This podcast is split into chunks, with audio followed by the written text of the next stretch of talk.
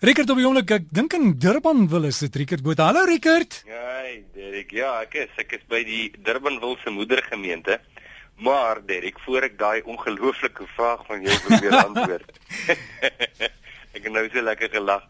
Ek was die week in Oakdale Hoër Landbouskool en ek weet nou nie, jy was in 'n akademiese skool, nie landbouskool nie, nê? Nee. Ek was akademies en tegnies. Ja, jy, hoor jy so. Ek wil nou niks sê nie vreeslik nie, maar ek was lanklaas so ongelooflik verras met hoe skool se karakter is en die kinders. Derek, dit was 'n ongelooflike belewenis. Ek wil net vir daai mense erkenning gee vir dit wat hulle doen en natuurlik daai seuns. Dit was dit het my lewe verryk. En uh, en dan ook die hoof meneer Andre Latsky, dankie vir al hulle liefde, moeite en gasvryheid, maar dit was regtig 'n belewenis. So dit was nou dit was nou hierdie week daar in Riversdal, fantasties en mooi dorpie, maar nou Uh, om jou vraag te beantwoord, gaan jy weer moet vra. Ja, Rigert, ehm um, daar's soveel mense in Suid-Afrika. Ons het een van die hoogste egskeidingsyfers, maar daar's baie mense wat moet leef met die ex wat altyd so oor die berg bly of in die agtergrond is. Mense was verlief en dan skei hulle. Hoe hanteer 'n mens dit? Oef. Broer. Ehm um, goed, jy het my nou so, jy het my 'n bietjie geskaapsker. Ehm uh, ek het gerol, ek het herstel, ek gaan probeer antwoord ek sal sê ehm um, jy ek so 'n persoon stap gewoonlik met ehm um, baie wonde nê nee, as gevolg van daai situasie. Goed wat mense sê weet wat jy en jou jou ek nou al vir mekaar gesê het van die konflik begin het of die teleurstelling is daar baie goed gesê wat baie diep gesny het in jou hart. Daar's goed gedoen. Jy weet daar's dis dis vreeslik dis baie erg. Of dit nou bedoel was of nie maak glad die saak nie. Dit het sy pad na jou hart gevind So daar lê een ding. So gewoonlik sulke mense het ehm um, het genesing nodig vir dit wat in hulle harte is, want hulle is afgebreek en geknak op op verskeie fronte. So daar's voordat jy nou kom by hoe jou reaksie teenoor hierdie persoon uh, is daar net miskien die erkenning dat daar is 'n groot stuk aandag nodig hier binne in jou eie hart voordat jy nou nog gaan kyk buite jouself. En dit is belangrik, jy weet, en ons praat van uh, Derek, ons praat van genesing, hè. Ons praat nie nou van rasionalisering nie. Jy weet, dink op 'n ander manier aan jou probleme nie. Ons praat van haal die bagasie uit. Jy weet nie, nie net gooi dit toe onder 'n doek nie. So dis 'n baie belangrike ding wat moet gebeur. En ek dink dan die volgende ding wat moet gebeur, ehm um, as ek nou moet antwoord uit God se hoek uit, nê, nee, dan sou ek sê enige stuk onreinheid wat ek in my hart hou as gevolg van my ex dan nou in hierdie geval se se onreinheid, se liefdeloosheid, is voor God ewe onrein weet ek kan nie met liefdeloosheid sit as gevolg van die aklighede wat ek ontvang het en dan voor God dink ek kan dit regverdig nie. Jy weet so daar's definitief 'n tweede ding is ek moet met die storms wat in my eie hart aan die gang is en die liefdeloosheid wat in my eie hart is, het ek nodig om voor die Here hierdie goed te gaan uitsorteer en en gereinig te word. Dit is verskriklik belangrik. Nou ek sê sommer in twee sinne wat eintlik 'n onsaglike belangrike gesprek is. En ek ek dink aan 'n laaste ding om met 'n antwoord sou ek sê uh, ek sal moet leer nê nee, hoe om nou in hierdie nuwe verhouding met hierdie persoon te staan en dan met vergifnis as 'n basis. Uh en en dan kan ons begin gesels aan iets, jy weet, sinvols. Hm. Richard, maar dis nou waar 'n uh, huwelik nou regtig gebroken was. Maar jy kry ook huwelike waar die mense net besef dinge werk nie meer nie. Ons gaan ons eie paaie. Ons bly vriende. Ek gaan iemand anders kry, jy kry iemand anders en hulle kuier selfs weer saam. Weet jy, ek weet nie, jy kan my nou maar naïef noem of so, maar ek val nie vir daai ene nie. Jy uh, jy het jou hart vir iemand gegee, jy weet, um, nie net wat ook al nie, jy het jou hart gegee vir daai persoon en skielik uh, is dit nie meer genoeg nie. Ek kan hom nie dink dat jy van daai situasie kan wegstap ewe blasey asof jy nou net vis en chips geëet het en sê ag ja, toe maar wat, jy weet nou gaan ons aan en ons beek nie. Ek dink dit kan werk nie regtig nie persoonlik want Hulle was baie diepgaande romanties, emosioneel, geestelik betrokke by mekaar en en daar het nou erg ding skeef geloop. So om nou skielik so blasey oor hierdie diepgaande ding te wees. Nee wat, ek byt nie aan daai ene. Regtig maar as jy nie aan daai en byt nie, is dit dan beter as jy mekaar regtig nie meer oor die weg mee kom nie om dan in die huis te bly, miskien on, vir die onthaalwe van die kinders En jy bly net saam in 'n huis, ja. maar daar daar's niks meer nie. Ja, jy hoor dit baie, nê. Nee. Jy hoor baie dat mense sê maar kom ter wille van die kinders, maar ek wil nou vir jou sê, kyk die gedagte is nou baie edel. Jy um, jy dink nou aan die kinders, jy het nou al gesien dat hierdie verwydering die onsaglike skade wat dit in kinders harte veroorsaak.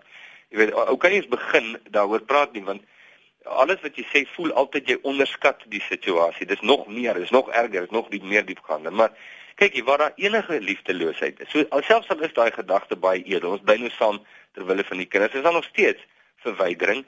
Daar's nog steeds liefdeloosheid en, en dit het 'n geweldige negatiewe effek. Liefdeloosheid, Derek, maak nie saak hoe jy hom nou kyk en opsomme vir watter hoek jy hom nou waarneem nie. Hy bring wonde. Dis nou maar so. Daar's nie 'n manier hoe jy hom kan akkommodeer jy weet of kan hê en hy is nou maar net 'n baie stil gas daar in julle huis nie. Hy maak altyd, jy weet, uh, veroorsaak 'n chaos. So uh, ek dink vir baie mense, mens toe jy dit nou vra, het ek amper gedink jy gaan in daai rigting beweeg.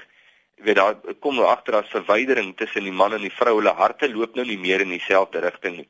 Ek wil net sê vir vir hierdie mense voordat hulle nou besluit het dit is onherstelbaar, absoluut onmoontlik nou weer om in dieselfde rigting te beweeg.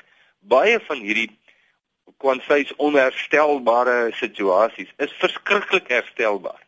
Jy weet en en dan is dit nie deur ingewikkelde goed wat jy moet implementeer, jy weet en dit vat uh, eeu en uh, dis dikwels sulke klein basiese verhoudingsgoedjies. Nou wil ek dit nie eenvoudiger laat klink nou nie, maar ek wil dit net sê want dit is waar dat dit is klein basiese verhoudingsbeginsels wat mense oor die hoof sien nou al vir sê nou maar 7 jaar in hulle huwelik en nou dit hierdie ingewikkelde vrugte wat dit lewer. Maar as 'n ou net verstaan wat dit is, hierdie basiese goedjies en jy begin dit nakom. Nee, jy erken nou die situasie en jy hoef nie meer trots van jou hart nie. Dan is daar fenominale veranderings wat plaasvind. Nou ek sê dit want ek het dit al beleef en gesien. En uh, dis belangrik dat 'n ou oor hierdie goed kan praat, jy weet.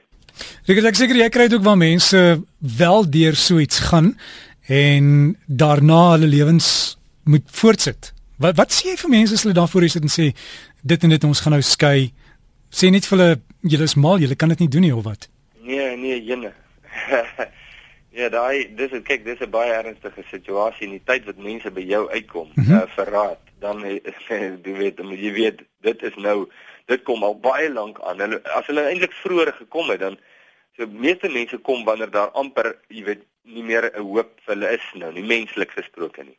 Maar nee, daai situasie vat jy nie ligtelik op nie. Jy's nie tralala daaroor nie. Ehm um, want daar's baie redes hoekom mense sê wat hulle sê en hoekom hulle in die situasie is wat hulle is. En dan om na mense se harte toe te gaan, jy weet, om hulle te help om in hulle eie harte in te delf en te kyk wat gaan regtig daaraan is nou eintlik die die uitdaging, jy weet, maar maar Derek, kyk, ek moet nou pleisters vir die siel hierdie. Oh, wil ek net vir jou sê uh, en ek uh, jy weet ek is absoluut daarvan oortuig want ek weet dit in my hart ek sien dit nou al hoeveel hoe lank is dat ehm um, selfs die mees onmoontlike verhoudingssituasie wanneer mense hulle harte oopmaak kan God die onmoontlike regkry. Hy kan. Uh baie mense bid wil graag hê die Here moet hulle maat verander. Jy weet so hulle bid vir is ek die maat en as hy nou nie verander nie neem hulle die Here kwaadlik, maar moenie daar begin nie. Maak jou eie hart oop en dan gebeur daar ongelooflike goed. Die rede is maar net dit. En dis miskien sommer ons pleister nou want jy weet jy gaan hom vra. 'n uh, God is 'n verhoudingsgod. Hy's die hy's die ekspert uh, en die spesialis op verhoudinge. En uh, wat ook al jy weet met verhoudinge te doen het, is hy die een wat ons voetstappe kan rig na sinvolle, volwasse en liefdevolle verhoudinge. Wanneer ek ook al van hom afgaan, jy weet wegdwaal of rig op hom draai, dan dis wanneer die pop op die fan stryk. So uh, jy weet hier vir my die groot die groot pleister is God praat nie net die goed nie.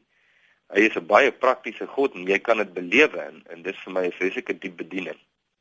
Richard, dis dis maar altyd 'n 'n moeilike kwessie hierdie met die egskeiding. Ja, baie. M maar ek ek sê altyd jy weet mense wat wat so gou in die kerk trou, sal jy mense skei in die kerk? Ja, kyk, dit sal 'n hele ander ek weet nie, dink jy dit sal 'n ander situasie wees? Ek het nou al gedink aan. weet jy ek weet nie maar dan moet hulle al die trougeskenke weer teruggee, hè? jy weet nie wat moet gebeur volgens die formulier moet hulle eintlik al die gaste weer by hê want hulle het beloof dat hulle neem die gaste as getuies dat hulle aan mekaar getrou sou wees. Jy kan gaan kyk na die formulier wat die wat die regering voorskryf, nê. Nee. So jy moet eintlik dan al die gaste weer inroep om dan nou hierdie belofte weer te herroep. Ek wonder of dit 'n effek sal hê. Ek weet nie Richard, maar maar is ook 'n 'n belofte wat jy doen voor God, né? Nee?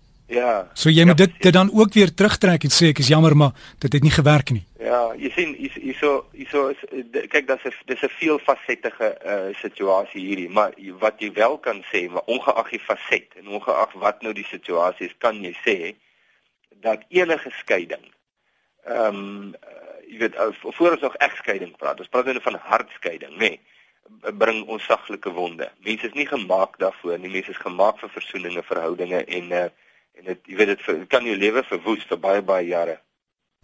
Ja, Rickert, dis maar iets om te oorweeg. Mense wat vir jou wil kontak of net jou wil volg op jou Facebook, jy's nog aktief daar, hè? Ja, ja, in Jesus se voetspore. As hy nie werk, as jy hom intik nie, ek het nou al by jou geleer en dit werk nog as jou raad tik dit aan een of sit dit in aanhalingstekens dan kom jy op ons Facebook bladsy en dan druk jy die eerste keer druk jy net die like knoppie en dan sien jy deel. In Jesus se voetspore. Rickert, wat wat se foto het jy op? Is dit nog die palms? Uh ja, nog steeds nog steeds hy. So? Ja, ek ek soek dat jy vir my 'n mooier een neem. Nee nee, jy neem baie mooi foto's. Jy het al vir my 'n paar mooies gestuur hoor. Ja, nee, is nog daai woestyntoneel met die oase, jy weet in die voetspore. En as jy daar gaan en jy druk die die like of die hou van knoppie, sê sommer vir Rieker daai moet vir jou ekstra foto's op sit. Rieker, dankie en groete daar in Durban wil. Ja, dankie Derek, lekker naweek vir jou ook. So gesels ons dan met Rieker Botha en daar op Facebook gaan soek om in Jesus se voetspore en onthou die gesprekslys potgooi hier van Maandag by rsg.co.za beskikbaar wees.